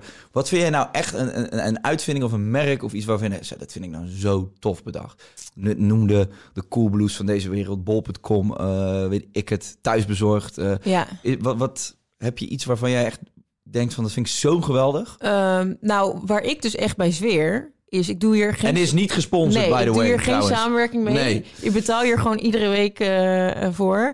Maar ik, jij hebt het ook wel eens gebruikt, maar jij hebt wel een samenwerking met hun gedaan. Wat hè? Dobby. Dobby. Ja, die was service. Ja, ja, heb ik wel een samenwerking mee gedaan, klopt. Maar ik ehm, heb dat dus wel gezien bij jou. En toen Ja. dacht ik, oh, dat is chill. Maar toen deden ze dus nog niet in mijn regio. En het moment dat het kon... Nou, kijk, ik heb dus echt een grafhekel aan de was doen. Ik kan het gewoon niet. Alles komt er te, alles komt er te klein uit. Of ik eh, zet hem aan, ik ga van huis, ik kom drie dagen later thuis... en die was is beschimmeld. Ik kan het gewoon Nee. oprecht niet. Ik weet niet wat er in het drogen kan en wat niet. Ja, handdoeken en, en dekbed, dat was ik wel. Nee. Maar met kleding en zo, ja, ik vind het gewoon... Ja, kut. Ja, Dus ehm, dat is dus een app. En dan kun je invoeren. eh, morgen kom je het ophalen tussen dit en dit tijdvlak. En dan eh, ja, dus prop je een zak vol met je was. Komen ze ophalen en twee dagen later eh, heb je het gestreken en wel terug. klopt. Ja, ik vond, ik vond het ook waanzinnig. Nee, ja. Die hebben, ook, die hebben ook een prijs. Zij hebben volgens mij ook Ja. een prijs gewonnen. Maar ik een vind, andere eh, innovatie award, toch? Ja. Nee, maar ik stel die vraag omdat ik, eh, ik, vind, ik vind het ook gewoon... Ik vind oprecht ook in het programma Dragon's Den... Ik, vind, ik word heel erg eh, gemotiveerd van Ja. mensen die met zoiets bezig zijn... en die dan ja, gewoon net even de andere kant op hebben gekeken... waardoor ze ineens een, een geniaal ideetje ja, hebben. vind ik ook. Ik word daar ook heel gemotiveerd Ja. van. Hey, wat is een eh, branche waar je zelf een, een uitvinding in zou willen doen? Wat, wat vind je interessant als je st- stel dat je zou gaan ondernemen? Wat zou je een leuke Ehm, hoek vinden? Ik zou heel graag... Ik vind toch beauty wel echt een hele leuke hoek. Ja. En eh, dat is ook iets wat denk ik altijd blijft bestaan. Mensen zijn altijd op zoek naar nieuwe dingetjes. Of een, mij lijkt het echt fantastisch om een bepaald product uit te vinden of op de markt te brengen waarbij eh, wat echt verschil maakt. Dus dat, dat je echt tijd scheelt eh, in de ochtend. Of Ja. dat je gewoon iets. Weet je wat Dyson bijvoorbeeld doet met die feuns. Dat is echt. Ja, die maken je haar ook het beste droog. En Mm. eh, die maken ook niet een pokkenherrie. En het is gewoon, het is gewoon allemaal goed. Het, het scheelt je tijd. Het ziet er mooi uit. Het is gewoon, dat klopt allemaal. Het lijkt me Ja, echt vet om zoiets te een ontwikkelen. De Monica Föhn. Geuzenfeun. Ja, maar dan liever iets met make-up of zo. Ja. Gewoon van die, van die handige producten, weet je wel. Ik weet ook nog wel dat eh, Nivea, die heeft eh, een douchegel... wat ook een body lotion in één is of zo. Weet je wel, zoiets. Dat is echt wel, ja, zo top. Weet je wat ik dus raar vind? Dus eigenlijk op basis van je, van je bereik en alles wat je hebt gedaan... en het merk Monica Geus, want je bent wel echt een merk geworden... vind ik eigenlijk dat je er nog veel te weinig hebt uitgehaald tot nu toe. Dat is ook zo, maar ik ben wel met dingen bezig. Ja, I know, I know. Nee, maar ik vind wel, ik denk, ik denk dat je zeker in Nederland, eh, het is niet omdat wij nu vrienden zijn dat ik je een veer hierheen zit te proppen, maar ik denk wel Oh, gewoon, voel hem. Fuck. hoppa, trek hem eruit. Eh, ik heb een extra grote gedaan, omdat ik weet dat je hè, Dat ik een wat anus heb. nogal wat ruimte hebt. Je wil weinig speling, toch? Nee, ik, eh, ik, ja, ik heb altijd het idee als ik dan kijk bijvoorbeeld naar, eh, ja, een beetje, een beetje open deur misschien, maar Kylie Jenner en dat soort dingen. Ja, denk ik wel dat jij in Nederland eh, wel een, een, een product misschien al had kunnen lanceren dat, dat succes had kunnen krijgen. klopt. Maar ehm, ik geloof er wel echt enorm in dat je altijd iets echt leuk moet vinden en er echt achter moet zijn. Tot nu toe heb ik dat nog niet echt gevonden. Ik ben nu wel echt soort van bezig met iets waarvan ik... Ik had echt, dat is echt van de week heb ik het bedacht. Ja, Ehm, en ik had er ineens weer zoveel zieke motivatie door. Ja, Echt gewoon wat jij ja. zegt, wat je een beetje hebt door dat Dragons Den kijken. Ik had zoiets van, ik wil iets nieuws. Ik wil een, iets nieuws lanceren wat echt dan een soort van mijn kindje wordt. En waar ik gewoon heel klein in ga beginnen. En dan gewoon zelf dat heel erg ga uitbouwen tot iets groots. Ja. En ik geloof er zo ziek in. En dat je ook weer trots bent op die kleine veroveringen die je dan doet met je eigen bedrijfje. In plaats van dat je een samenwerking doet met een al bestaand groot merk. Ja, leuk, maar dat, dat maakt mij echt niet gelukkiger. nee, ja, we hadden natuurlijk om, eh, ja, een hele tijd geleden begonnen wij daar al een beetje over te praten. Ook over eh, dat, je dit, dat dit gewoon tof is eigenlijk om je eigen merk op te zetten Ja. en te ondernemen. En als je op een gegeven moment vijf, zes jaar lang ja, gevlogd hebt en filmpjes gemaakt hebt, dan kom je. Ik ben, ik ben 29 nu en ik ben nu het afgelopen jaar natuurlijk ook met van alles bezig. En als Ja. dat zich een beetje gaat uitrollen, dan. dan ik kijk er zo naar uit, zeg maar, dat ik, dat ik ga ondernemen en dat ik Ja. wat meer met andere dingen bezig ga zijn dan alleen maar filmpjes maken op Instagram. Klopt, En, want... eh, oh nee, sorry, praat maar verder. Dat vind ik vervelend wat je Ja, weet ik. moet je niet nog een keer doen. Nee. nee, maar dat je op basis wel van het bereik wat je gegenereerd hebt, waar je hard voor gewerkt hebt, dat je dat nu kan inzetten om, om een bedrijf of een product te lanceren. Ja. Ik vind dat super interessant. En eh, is dat misschien ook. Je wil nog iets zeggen? Nou nee, meer over dat ondernemerschap waar Ja. jij het dus nu over hebt. Is eh, mensen zeggen altijd over ons van ja, jonge ondernemers. En Ik ben helemaal geen ondernemer, want ik vind dat je een ondernemer bent. Het moment dat je risico neemt met je eigen geld om dat ook kwijt te kunnen raken en eh, of juist het te kunnen verdrievoudigen. Ja. Of weet je wel. Dus dat heb ik eigenlijk nooit gedaan. Ik, ik werk heel veilig samen met merken die al bestaan en loop daarin eigenlijk vrijwel nooit risico. Nee. Maar ik vind dat je echt een ondernemer bent. Als je dus het, het geld wat je bij elkaar zelf hebt verdiend eh, aan wat je dan nu wellicht doet, dat je dat eens gaat, gaat inzetten en denkt, joh, ik, ik neem gewoon dit risico en ik geloof hier dusdanig in. Ik, ik ga hier mijn geld in pompen en dan kijken wat eruit komt. Dan vind ik je een ondernemer. Ja. En ja, campagnes doen met merken die al bestaan, dat is leuk. Maar ik vind dat niet ondernemerschap. En is sustainable, zoals ze dat dan zeggen. nee, maar je wilt toch iets voor de langere termijn? Ik, Ja. ik, ik zou, ik, zou, eh, ik zou wel wat. eh, ik zou een product willen hebben waar ik, va- waarvan ik nu weet van daar ga ik gewoon tot, Ja. tot, tot, eh, tot mijn dood mee door of zo. Ja. Weet je? Hoe vet is dat als je zoiets neer kan zetten? Hey, en is dat misschien dan ook, we hebben het al even gehad over het vloggen en de, dat je volwassener wordt en dat je bepaalde dingen die je vroeger leuk vond. Vroeger stond je spekkies bij eh, de Niek in de Mel te rachen. En eh, nu denk je bij jezelf, ik wil een bedrijf beginnen. Is dat misschien ook een soort van een beetje de toekomst? Is dat een beetje het beeld of de visie die je hebt over, Ja. over je carrière? op een gegeven moment wil ik gewoon dat bedrijf hebben. En zelf, kijk, tuurlijk, het werkt mee dat je dus bereik hebt. En dat is ook de reden waarom je zoiets kunt opzetten. Of waarom Ja. je al 10-0 voor staat op iemand die niet dat bereik heeft. Maar op een gegeven moment wil ik wel dat het, het bedrijf wat ik nu in mijn hoofd heb, dat dat merk dusdanig sterk wordt, dat het eigenlijk niet meer uitmaakt of ik daar nou achter zit of iemand Ja. anders. Dat ik gewoon lekker naar de achtergrond kan treden. Ehm, ja, dat lijkt me op een gegeven moment wel echt lekker. Ik vind het nu nog veel te leuk om met Instagram en YouTube bezig te zijn. Maar op een gegeven moment kan ik me echt wel inleven in het feit dat ik gewoon eigenlijk door de supermarkt wil kunnen lopen en dat niemand ook maar een flauw idee heeft van wie ik ben, maar dat ik wel een ziek succesvolle Ja, gaan we lopende meer business. Die bek voor jou gaan we nooit meer vergeten. Nee, dus dat denk ik. Als jij drie jaar gewoon niks doet in de openbaarheid, dan is iedereen je toch weer vergeten. Ja, ja. Dat Als je- denk ik wel. Als je niet drie jaar een beetje stil blijft. Ja, Maar jou kennen, hè? Laat je Grote overal weer afval af, eh, achter een, een vel. Nee, top. Hey Mo, eh, toch ook nog even lekker eh, een klein stukje spiritualiteit. Gewoon even voor, eh, hè, om af te toppen. Ehm, doe jij eigenlijk aan mediteren? Want ik weet dat je best wel bezig bent met spiritualiteit, zelfontwikkeling. Je luistert veel podcasts, leest wat boeken. Maar doe je wel eens mediteren? nee. Nee. Ik heb dat dus wel geprobeerd met die app eh, Headspace. Ja. Ehm, maar ik heb dat nooit doorgezet. Nee. Jij mediteert wel, hè? Ik heb deze week, zonder grappen, daarvoor wil ik er ook even over praten. Ik heb de meest bizarre shit meegemaakt. Wat dan? Ja, ik heb dus ook, ik had altijd die apps, weet je wel. Dus ik was aan het ehm, mediteren. Meditatie van 18 minuten, altijd s'avonds voordat ik ging pitten. Maar dat was voor mij eigenlijk meer een manier om gewoon mellow te worden, weet je wel. Mhm. Gewoon, en dan viel ik in slaap. Maar echt het mediteren, dus ja, een soort van buiten je bewustzijn treden. Wat, Dat- Hoe zou jij mediteren omschrijven? Wat is mediteren? Ja, daar ben ik aan het achterkomen. Je leest er natuurlijk veel over. Kijk, mediteren, heel veel mensen zeggen, ja, het is goed voor je. Het is lekker en je komt tot rust. En ja, weet je wel, als je nog dieper gaat, dan kan je buiten jezelf treden. En kom je in een ja, soort staat van nul terecht. Je bent Mhm. niemand. Je hebt geen verleden, je hebt geen toekomst. En daar kan je soort van uitstaan. En veel mensen beweren dat je jezelf kunt helen. Hè? De ziektes kunt oplossen. jezelf. Nou goed, Eh, ik lees gewoon van alles. En ik vind het allemaal wel interessant om gewoon een beetje eh, informatie op te doen. En ik heb nu sinds kort dat boek van Joe Dispenza. Dat Ja. is Daar ben je helemaal lyrisch van, hè? ja, ik vind het niet normaal, want die, die, die meditaties van hem, hij, hij focust zich dus op die energiepunten in je lichaam en, of de pijnappelklier in je hersenen. En dat is voor mij, ik, het is mij dus voor het eerst gelukt om in mijn eentje echt helemaal eruit te treden. Ik heb het gisteren gehad, gisteravond. Ik ben gister, Ja? ja? het is echt niet normaal. Ik heb gewoon mijn moeder opgebeld, Jessie opgebeld, iedereen. Ik lag dus thuis in de woonkamer. Ik denk, ga die meditatie als het nog licht is. Dus er kwam een zonnetje van buiten om mijn bol. Toen had ik een meditatie opgezet en dan moest je dus focussen op je energiepunten. En op een gegeven moment begin je dus gewoon rond je kruisen, ga je naar je buik en dan ga je naar je, je borst en dan hier en dan naar je hoofd. En op een gegeven moment kwam er een stuk in die meditatie dat je je buik moest aanspannen. En je lichaam moest, en dan moest je ademen soort van naar je hoofd toe. Dus dan voelde je de, de adem, voelde je eigenlijk via je ruggenwervel zo je hoofd ingaan. En dan moest je dat daar vasthouden, moest je adem... Ik ga die meditatie naar doorsturen. Eh, moest je adem inhouden en dan voelde je hier dus alles tinten. En op een gegeven moment begonnen mijn armen dus uit zichzelf te bewegen. Maar ik heb dat dus vaker gehad. Dat, ja, het is echt lijp. Dus gaan mijn armen zo omhoog.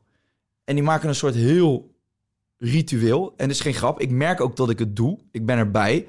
Maar het wordt bestuurd. Dus een soort van magnetisch. Hè? Ja, dit is, echt, dit is echt niet normaal. Dus op een gegeven moment had ik mijn arm had ik zo. eh, in een 90 graden hoek. En daartussen was dus extreem veel energie. En ja, een soort magnetisch veld of zo. Het was zo fucking lijp, Mo. Gewoon mijn- shirt ging gewoon een soort van omhoog. Als ik met mijn armen langs ging. Dus van die, van, van die magnetische velden. Hè? En dat is gewoon, ja, die meditatie duurt iets van drie kwartier. Dat is gewoon de hele tijd doorgaan. En ik was er bewust van dat het gebeurde. Maar ik wilde het niet stoppen of zo. Dus ik liet het gewoon helemaal gebeuren. En ging mijn armen helemaal wijd. En dan weer helemaal naar elkaar. Ja, ik heb daar allemaal shit over opgezocht. Maar ik heb nog niet echt een oorzaak kunnen Ja, vinden. want wat doet het dan eigenlijk Ja, voor dat je? weet ik niet. Ja, weet je, het is maar net hoe ver, eh, hoe ver je hierin gelooft en Ja. hoe ver je wil gaan. Want ja. Ja. leuk dat je armen omhoog gaan, maar win je daar nog iets mee? Nou ja, ik was knetterstoned daarna. Dus eh, wat dat betreft, high on your own supply. Nee, ik, was echt, ik stond echt aan. Want toen ik wakker werd, ging de zon eigenlijk net onder. Dus het, de lucht was een soort van blauw-oranje. Van die zon die nog een beetje... En het werd donker. Het, ik, mijn ogen stonden echt zo, hè. En ik kon dus, als ik mijn hand bij een plant hield... merkte ik dat ik nog zo magnetisch was... dat die plant een beetje zo ging bewegen. Echt? Ik zweer het je. Je weet hoe nuchter ik ben. Ik ga dit Ja. echt niet verzinnen. Nee, ik, dat nee. maar ik, werd, ik, werd, ik, was ook, nou, ik was niet in paniek of zo. Want ik had gewoon zoiets van... Flex.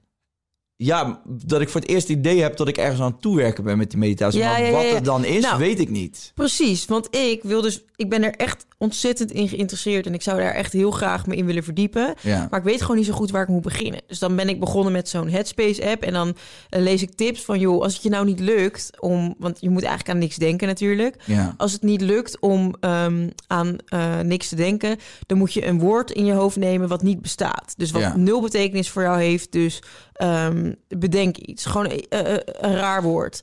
En dan Mhm. bedenk ik dat rare woord. En dan is het enige wat, wat ik dan doe, is constant toch associaties maken met wat kan ik dan van het woord nog maken. En wat, wat Klopt. Dus dan ben ik alsnog de hele tijd ermee bezig. Ik vind het zo moeilijk om aan niks te denken. Dat lukt mij bijna niet. Ja. ja, wat je kan doen is, ja, ik, ik heb hetzelfde namelijk. En dat heeft iedereen. Want je, je, je hersenen zijn dus niet gewend om niet te denken. Het zijn Nee. allemaal vaste patronen.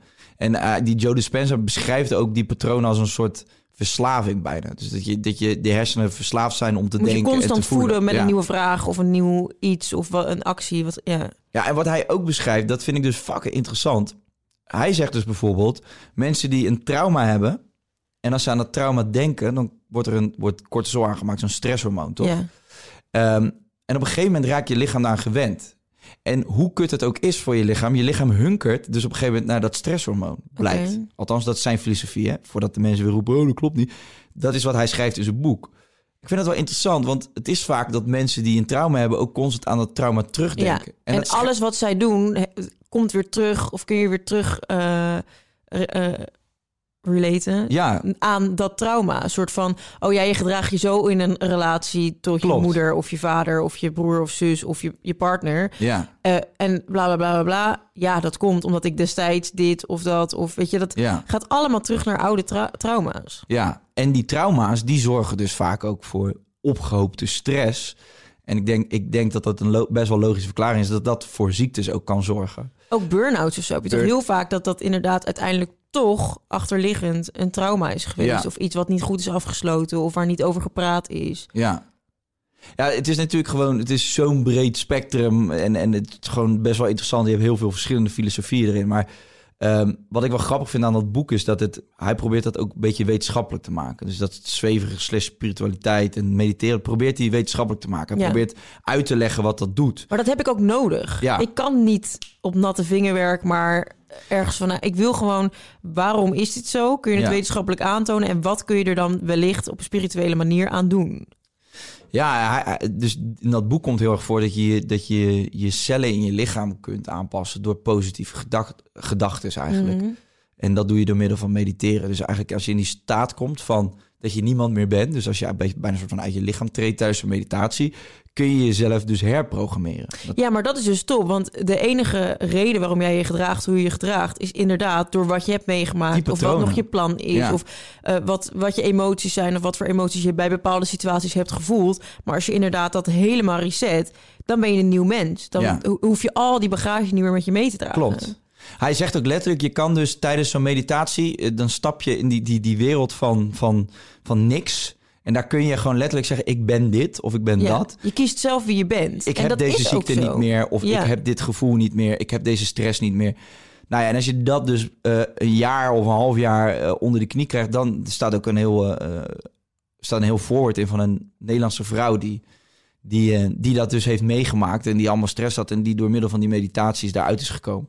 Sick, stuur dit allemaal even lekker naar me Ja. door. Ik, wil, ik ben namelijk zo geïnteresseerd hierin. Alleen ik weet niet waar ik moet beginnen bij dit soort dingen. Ja, ik vind dit, dit ik zou dit boek, eh, ik, ik bestel dat boek wel voor je. Dit is echt, het is gewoon, ja, ik weet niet, heel wetenschappelijk. Het is wel, en je moet er wel echt even, dus de tijd voor nemen. Je moet bijna een soort van denken, oké, ik ga dit boek lezen. Studeren. En ik ga opdrachten doen. Ja, gewoon na ieder hoofdstuk ga ik een meditatie doen. En ook als het niet lukt, gewoon denken, fuck het, doe ik het de volgende keer weer of probeer het langer.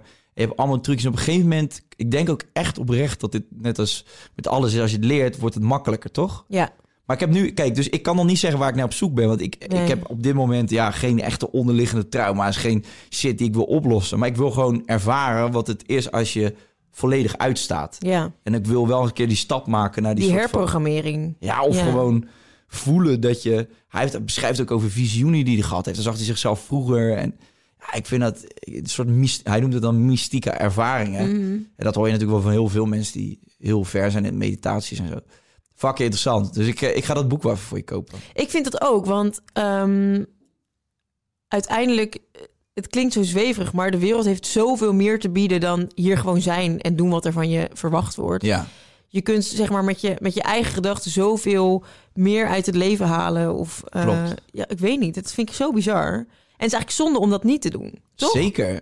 Want ehm, je leven is toch een registratie van je gedachten? Ja, oh, die had ik het laatst over inderdaad. Dat ik zoiets had van...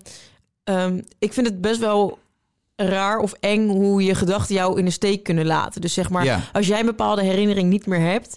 dan is het eigenlijk niks waard dat dat ooit gebeurd is. Dus het enige wat je hebt, is wat er in je hoofd zit. Mhm. En dat is toch wie jou maakt tot wie je bent, zeg maar. Dat is toch zo gek eigenlijk. Ja. Dat als jij bepaalde dingen niet meer weet of vergeten bent... dan zijn, dan zijn ze er niet meer. Klopt. Dat is toch raar? Ja, dat is, ja, maar Mo, dit is zo.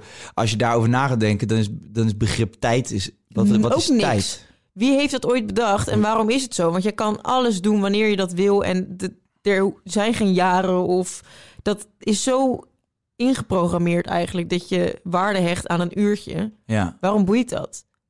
Ik, ik probeer het ook anders te zien tegenwoordig. Ik probeer dat hele leven gewoon niet zozeer als een, als, als een race tegen de klok te zien, maar meer als een soort van eh, reis waarin je jezelf blijft ontwikkelen. Je bent op een gegeven moment, je wordt geboren, je bent kind. En naarmate je ouder wordt, zeg je toch ook van ik ben daar overheen gegroeid. Maar Ja. dat heeft ook met zelfontwikkeling te maken. En uiteindelijk denk ik dat, dat, dat je ook nooit echt serieus nooit uitgeleerd bent. Nee, dit is gewoon eigenlijk jouw tijd, jouw speeltijd in het leven. Ja, We- daarom bouw ik dus ook nog harder van die coronacrisis. Ik ben me daar een soort van steeds bewuster van aan te raken. Misschien Mhm. ook wel door die coronacrisis.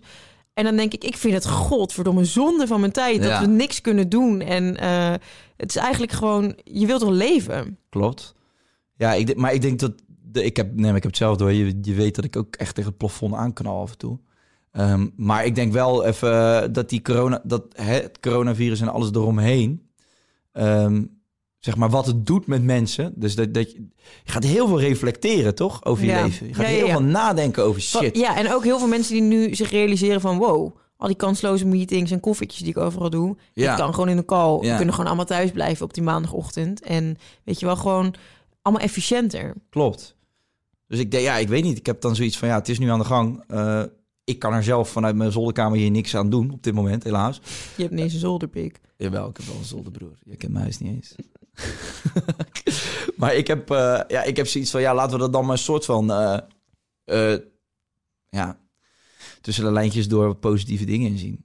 Maar ja, Nee, klopt, is ook zo. Ik heb ook wel heel erg dat ik denk van... oprecht, ik weet zo erg dat ik hier niks aan kan doen. Dus het enige wat ik kan doen is inderdaad iedere ochtend wakker worden. Zeg maar gewoon letterlijk hardop tegen jezelf van het leven is leuk. Ik ga vandaag ga ik me leuk aankleden, lekker make-upje opsmeren en ik ga een leuke dag hebben. ja, Dat is het enige wat je kunt doen. Terwijl ik ook wel om me heen merk, weet je wel, ik had laatst heel erg, toen was ik met jou aan de telefoon. En jij bent eigenlijk altijd wel de positieve van ons twee, die mij uit de stront en de negativiteit trekt. Maar ik merkte dat jij eigenlijk ineens zoiets had van, ja, ik ben het wel echt zat. En dat ik aan mezelf merkte, ik dacht, oh, nou, ja. kom op, weet je wel, even die schouders eronder. Je gaat er nu toch niks aan kunnen doen. En eh, laat maar gewoon. Dat ik dacht van, oh, de, de meest positieve mensen om me heen zijn zelfs ook een beetje... Ja, ik had, ik had het op een gegeven moment. Ik vond het heel erg lastig dat ik, ehm, dat ik merkte dat ik eigenlijk niet wilde klagen, maar dat ik toch voelde dat ik in een soort van spiraal zat of zo. En, en dat mijn wereldje een soort van heel klein was geworden. Ik ben, Ja. ik ben gewoon zo gewend overal naartoe te kunnen. En ik merkte nu dat mijn dagelijkse dingen. Ja, ik sta op met een koude douche. Ik doe die ademhalingsoefeningen van Hoezo doe je dat? Ja, eh, voor je immuunsysteem. Ik, ik, ik, eh, ik, ik geloof heilig in eh, die theorie van Wim Hof. Mhm. Die, eh, die koude douche en die ademhalingsoefeningen. Ik doe dat iedere ochtend. Ik sta nu gewoon echt zonder problemen 2,5 tot 3 minuten onder echt een ijs, ijskoude douche. En merk je daar zelf iets Ja, van? je, wordt gewoon, je krijgt gewoon zo'n bizarre adrenalinestoot als je onder die douche vandaan komt. Je hebt een pik van 2 centimeter, maar voor de rest... eh, nee, maar voor de rest, je loopt die douche uit en je, je, je hebt echt gewoon zin om te beginnen. Ik Ja. ga ook altijd schreeuwen, gelijk wel zo mijn oren. Ik sta altijd zo voor de spiegel. Ah! Doe je dat echt? Ja, wordt- dat, dat wekt het op bij je. En dan denk je van, ja, dit Ja. is mijn dag. Het voelt is, gewoon die, die, ik, ja. die rush, weet je wel. Die, die adrenaline rush. Want je lichaam gaat als een gek van... Oh, wat gebeurt, wat gebeurt? Dus je gaat bloed pompen volgens mij. En, en dan krijg je van die... Ja, ja, dat heeft een effect. En dat zorgt voor een adrenaline kick. En dat zorgt ervoor dat je eigenlijk... 's ochtends gewoon direct...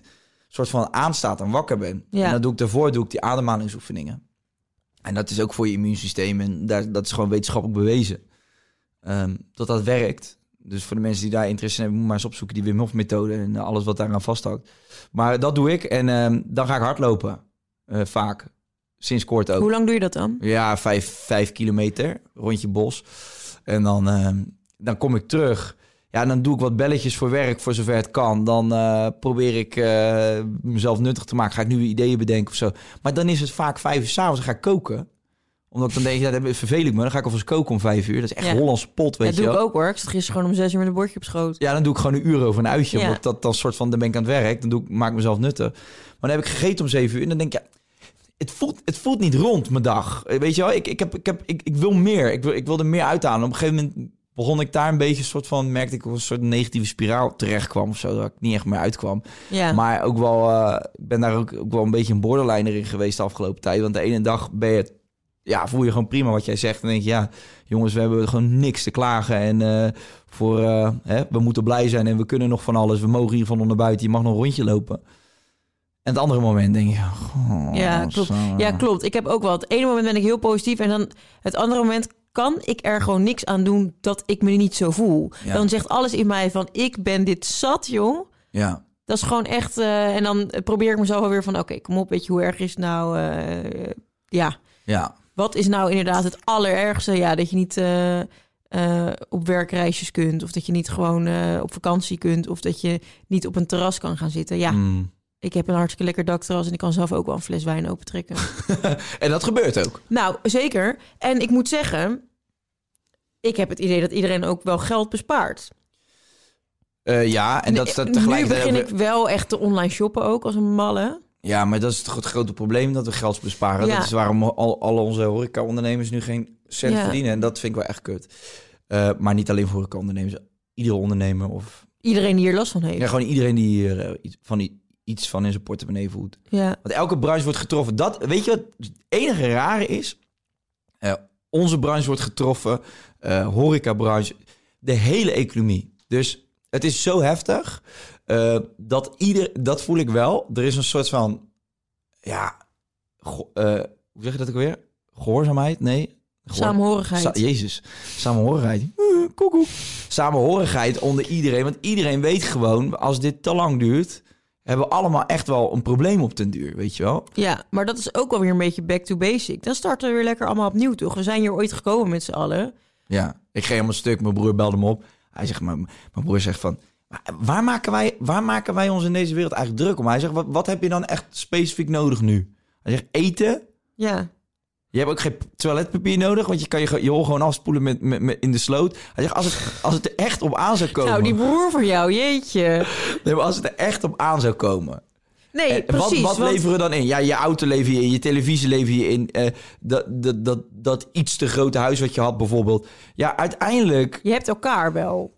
Ja, En eh, het is ook ooit begonnen met jagers en verzamelaars die eh, eh, een koe met z'n tienen gingen slachten en eh, hun strontutjes stonden schoon te vegen. Maar uiteindelijk zijn we wel hier beland. ja. Dus dat is ook ooit begonnen met niks. Ja. Ja, ik hoop wel. En ik hoop wel, eh, wat ik wel echt belangrijk vind, is gewoon mensen moeten naar buiten. En ik hoop echt dat mensen straks weer naar buiten mogen. Ik hoop het voor de kinderen die nu thuis zitten, misschien eh, wel ouders hebben die niet zo lief voor ze zijn, om het Ja. zacht uit, zacht uit te drukken. Kijk, en ik zag die reclames waar eh, al die BN'ers aan meewerken. We hebben het er ook over gehad. Die daar roepen van, eh, ja, blijf thuis. Ja, die zitten in, een, eh, in die villa-wijken, zitten ze in die grote tuinen, zitten ze thuis. Ja, als jij vier hoog achter zit, Ja. met een heel gezin, ja, dan wil je toch echt dat je kinderen naar buiten kunnen Klopt. en dat ze gewoon lekker kunnen wandelen. Dus ik, En leuk dat jij eh, je kinderen lekker in de tuin eh, van alles kan laten doen. Maar ja, dat is de kunst van het thuisblijven is dan natuurlijk heel anders dan. eh, Ja. ja. Dat, moet, dat vind ik een beetje, ik weet niet, dat, dat, dat vind ik een beetje hypocriet. En dan heb ik wel zoiets van, ik hoop echt dat iedereen zo snel mogelijk gewoon weer naar buiten mag. En ik snap die boodschap met blijf thuis, absoluut. Alleen, ja, of dat inderdaad... Dat zou je eigenlijk dus moeten doen met mensen... waarbij het veel lastiger is om thuis te zitten.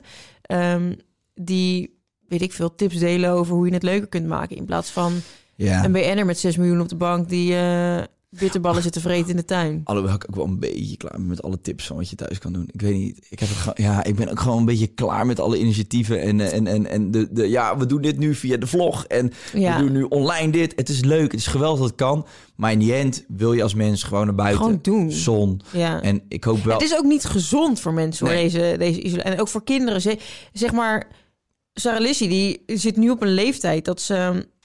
eh, volgens mij een beetje dat sociale aspect begint te ontwikkelen. Als in gedag zeggen tegen mensen, eh, Ja. mensen herkennen, eh, een gesprekje voeren. Alsjeblieft, dankjewel, met je dat. Maar zij groeit nu op in een wereld waarin ik niet wil dat zij vlakbij iemand komt. Nee. Als zij te dichtbij iemand komt, zeg ik nee, nee, nee, nee, doe maar niet. Kom maar hier, kom maar hier. Dat is heel raar. Ja, omdat je ook wij- heel erg bang gemaakt wordt. Ja, als wij in de supermarkt lopen, ben ik constant... Kom in dat karretje en dan gaat zij weer janken. Nee, ik wil gewoon door de supermarkt lopen. Maar ja, ik zie iedereen om me heen kijken van... Hou je fucking kind beet. Ja, dat lukt niet altijd. Want in de ene hand heb ik een, een kinderwagen, de andere hand die kar. Ja, dat kind wil ook niet alles wat ik wil dat zij doet. Dus dat is... Nee, maar het is een waardeloos joh, dit. Ja, En dit gaat ook niet, eh, dit, eh, die anderhalve meter samenleving. eh, dat kan het, niet. het, het klinkt allemaal fantastisch. Maar Nee, dat ik, ook niet. ik nee, het klinkt ook niet fantastisch. Het klinkt verschrikkelijk. En, maar ik word, daar word ik echt een beetje terug van. Ja. En ik, nee, ik heb nu niet de oplossing. Eh, eh, ik, hoop, ik kan alleen maar hopen dat we... En dit- trouwens, ik weet ook niet of wanneer we dit precies gaan uitzenden. Misschien, er gebeurt veel hè, nu per dag. Dus wellicht als Ja. dit wordt uitgezonden zijn we alweer een hoop stuk verder. Ik hoop dat eh, in ieder geval de kids in ieder geval snel weer gewoon naar buiten kunnen en naar school mogen. En een normaal leven kunnen leiden. Ja, en daarna de ondernemers toch wel weer heel snel gewoon aan de Ja. slag kunnen. Oké, nou dat is een mooi moment om het af te sluiten, denk ik zo. Ik dacht, we gaan. Ik vond het eigenlijk wel lekker dat we helemaal nul over die corona-ellende hebben gehad. Maar ja, ik wilde het eigenlijk ook even... eh, Ja, je, het ook je ontkomt er niet aan. ja, misschien knip ik het er ook wel uit. Nou, flikker op. Hoezo? Zit ik hier eh 20 minuten van kostbare tijd over coronacrisis eh uit te sloven? Nee, we hadden het heel lekker over spiritualiteit Ik vind dit echt leuk. Ja? Ik zou eigenlijk een podcastje met jou willen. Oké. En dan? Nou, ik merk samen... dat ik de enige enthousiaste ben. Nee, ja, eh, ik, ben, eh, ik moet gewoon even op me laten inwerken. nee, ik maak graag kwaliteit, dus dan zit je toch wel een beetje... eh, nee. Wat zou je dan willen? De Kai Monica podcast. Gewoon een beetje ouwe hoeren. Ja, ik weet niet of mensen dat leuk vinden om te horen. Ik vind dit in ieder geval gezellig. Nou, anders zenden we het toch gewoon niet uit. Neem het gewoon alleen op. Voor ons eigen archiefje. Je zet het gewoon op, op een afgesloten YouTube-kanaal. ja. Kunnen we een beetje naar onszelf kijken. Zo, was echt een goed gesprek, hè? Zo, je had echt een goed punt toen. Zo, je bent echt sterk, man. Je moet de Zullen politiek nu, in. Zullen we nu gaan evalueren? Lijkt het jou leuk om de politiek in te gaan? Totaal niet. Nee? Oh, maar Nee. lijkt dat fabulous. En in de politiek kan je, denk ik, nooit... Kan je het nooit helemaal goed doen, snap je? Nee, klopt. Maar eh, dat is toch juist ook wel leuk? Nee. Jij Nee, natuurlijk. Je kan het, nee, nee, dat is ook zo. Ik snap wat je, wat je zegt, maar nee, die, die, die taak voel ik niet. En er zijn, Nee? ik denk ook dat er andere mensen zijn die er beter in zijn. En, eh, ik, heb die, Ongetwijfeld. ik heb die behoefte helemaal niet. Oh. Nee. Nee, jij wel? Ja. De Monica-partij. Nou, kijk, nu maak je het natuurlijk weer allemaal heel erg cynisch. En ha, ha, ha, domme trut. eh, niemand gaat op jou Zo, je stemmen. een goed zelfbeeld, want ik zei dat niet. Jij moet naar jezelf gaan werken, Jij meisje. moet naar jezelf gaan Ga werken, eens meis. mediteren. Hè, meis? Nee, eh, ik hoef niet een, een, een eigen partij. En ik moet zeggen dat ik ook helemaal niet goed genoeg ingelezen ben in de politiek... om Nee, daar nu harde uitspraken over te doen. Eigen Maar- partij wil jij ook niet. Ik vind het wel heel interessant. En ik wil me daar wel echt meer in verdiepen. Echt waar? Ja, ik vind politiek echt... Dat is toch wat bepaalt hoe het allemaal gaat in dit land. En Ja, uiteindelijk... Ja, jij bent weer zo'n sceptische hond die zegt van... joh, het is allemaal toneelstuk. En Nou, nee, nee, helemaal niet. Het is, eh, het, het- ik vind ook gewoon wel eh, dat je moet stemmen. En als je, mensen die roepen, ja, de stem heeft toch geen recht. Oh, ja. dan vind ik je toch zo'n balzak.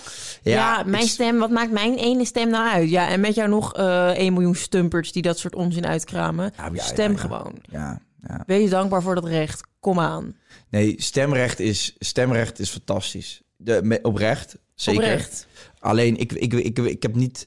Ik, voel, jij als je, voel jij als je je stem uitbrengt... dat je dan eh, enigszins impact hebt op wat er in Nederland gebeurt? Voel je dat echt? Heb je dat gevoel heel sterk? Of is het... Ik doe het omdat ik het stom vind om het niet te doen. Nee, dat snap en, ik. eh, ongeacht wat dan de uitslag is... en dat is, dat, dat misschien niet altijd de partij is waar je op stemt... ehm, heb je toch wel jouw eh, voorkeur laten weten. Ja, Heb jij toch jouw stem uitgebracht. En ik denk toch dat dat heel waardevol is. zeker. En ik vind eigenlijk dat het...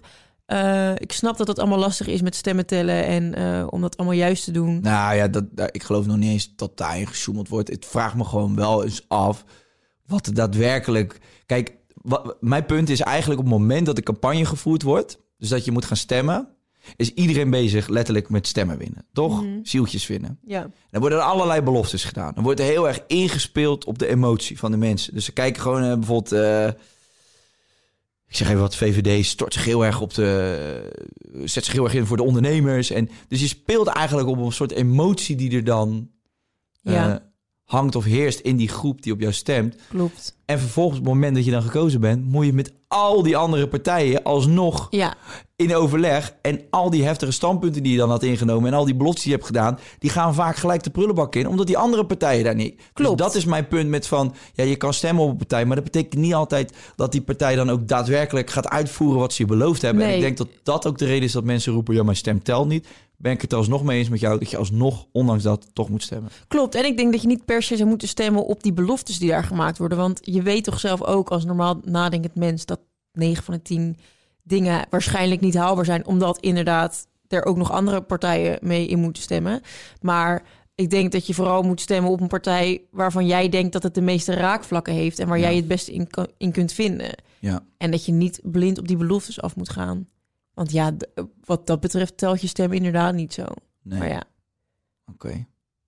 Dan zou, zou ik hem toch weer proberen af te sluiten eigenlijk hier bij deze. ja? Ga je dat nu doen? Jij wilde blijven zitten? Ik vind het wel gezellig. Oké, nou, eh, lieve mensen, heel erg bedankt voor het kijken. Ik pak deze camera voor het eerst maar eens eventjes. Monika, jij hartstikke bedankt dat je een van mijn eerste gasten wilde zijn. Jij bedankt, Poenie. En ehm, mensen, toch misschien nog leuk om te zeggen. Monika en ik gaan over een tijdje iets heel erg leuks doen Ja. samen. Eh, iets compleet nieuws. Dus keep in touch. Dat Ja, nee, dit wordt echt serieus Nee, het wordt echt leuk. Ik denk dat mensen die het leuk vinden om naar deze podcast te luisteren... dat serieus heel vet gaan vinden. Ja, ja, inderdaad. Toch? Klopt. Ik denk dat het wel... Ja, dat het is een logische stap. Ja, dat is nou het enige wat we kunnen meegeven. Een vleugje van wat er in deze podcast is besproken... ga je terugzien in hetgeen wat wij gaan doen samen binnenkort. En nee, we gaan geen politieke partij opstarten samen. En nee, geen podcast samen. En nee, nou, hoezo niet? Voorlopig. Nou, dat kan toch vanuit wat we gaan doen? Kan- Sorry hoor. zeker, ja. Het zou stom zijn om dat niet te doen. Ja, Heel hebt- eerlijk. Je hebt gelijk. Oké, Oké, nou, je hoort van ons. Doei doei! later.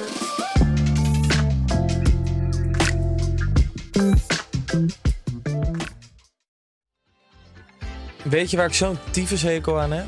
Toeristen, als het te druk is in de stad, zelf koken. Ja, alles wat je nu zojuist benoemt. En daarom maken jij, denk Daan Hogevorst, En Robert Rodenburg. een podcast waarin we alleen maar klagen. Want klagen is HET medicijn tegen het collectieve leed wat maandag heet. Dus elke maandagochtend een nieuwe te horen op je favoriete podcast-app. Maandag Klaagdag! Jezus, zingen moeten wij nooit doen. Hey, it's Paige DeSorbo from Giggly Squad. High quality fashion without the price tag. Say hello to Quince. I'm snagging high-end essentials like cozy cashmere sweaters, sleek leather jackets, fine jewelry, and so much more. With Quince being 50 to 80% less than similar brands.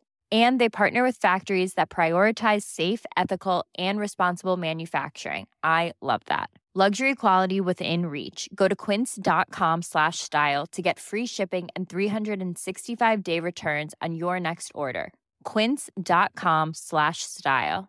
Mom deserves the best, and there's no better place to shop for Mother's Day than Whole Foods Market. They're your destination for unbeatable savings, from premium gifts to show-stopping flowers and irresistible desserts. Start by saving 33% with Prime on all body care and candles. Then get a 15-stem bunch of tulips for just $9.99 each with Prime. Round out Mom's menu with festive rosé, irresistible berry chantilly cake, and more special treats. Come celebrate Mother's Day at Whole Foods Market.